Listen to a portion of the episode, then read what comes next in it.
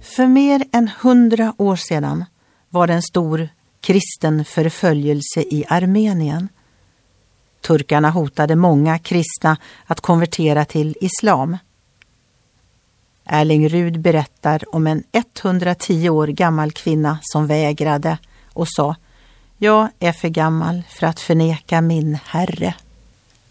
De ryckte bibeln ur hennes händer, slet den i bitar och brände den.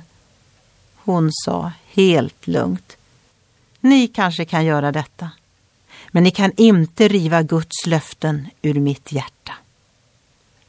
Någon har sagt att Guds löften är som livbälten. De håller själen flytande i ett hav av svårigheter. Bibeln säger Han tänker för evigt på sitt förbund, på det ord han påbjudit för tusen släkten.